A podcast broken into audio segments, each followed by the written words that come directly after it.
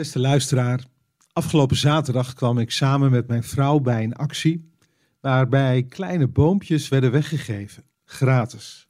Nou ja, als Nederlander sla ik daarop aan, dat begrijp je. En belangrijker, we krijgen in onze nieuwe tuin ruimte voor boompjes. Een paar knotwilligen, dat lijkt ons wel wat. We kwamen bij de actie aan en vroegen waar de knotwilligen stonden. Een vrouw bracht ons vervolgens naar de knotwilgen. Is dit het? Vroeg ik mezelf af. Er lagen een aantal takken op de grond, half in het water, maar dat was het wel zo'n beetje. Niets geen mooie kleine knotwilligjes in keurige potten. Een stapel takken, daar kwam het op neer. Maar, zo vertelde deze vrouw, die blijkbaar mijn verbazing zag, je moet deze takken diep in de grond steken en dan zullen de wortels zich als vanzelf ontwikkelen. En daarmee gaat er een knotwillig groeien. Let maar op.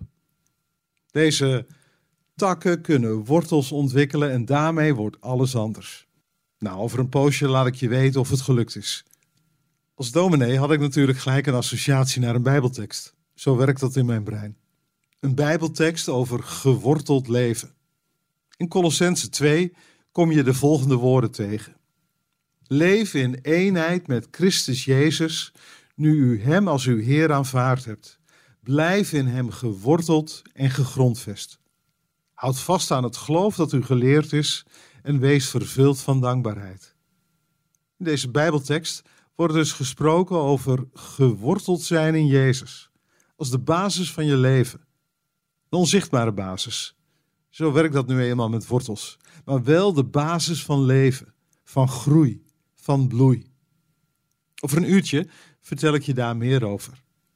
En nu neem ik je mee in een schrijffout die ik steeds maakte en die me dan ook weer aan het denken heeft gezet. Dat zit zo.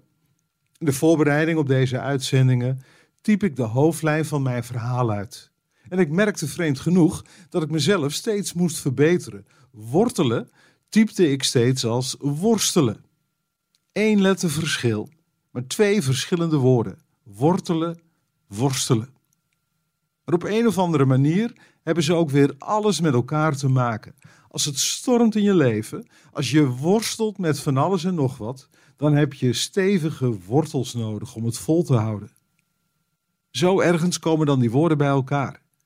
En dan zegt die Bijbeltekst dus: zorg ervoor dat je geworteld bent en geworteld blijft in Christus Jezus.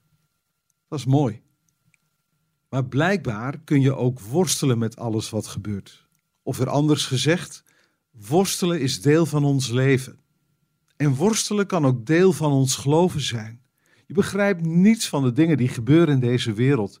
En je loopt vast in de dingen die in jouw leven gebeuren. Zoveel moeite, zoveel pijn. En dan heb je alle reden om te worstelen met God. En ergens doet dat ook iets met dat wortelen. Op twee manieren. Je kunt allereerst het gevoel hebben dat je omvalt. Je wortels hebben geen grip meer. Dat is heftig genoeg. Daar wil ik niets van afdoen. Ik wil er geen clichés op loslaten.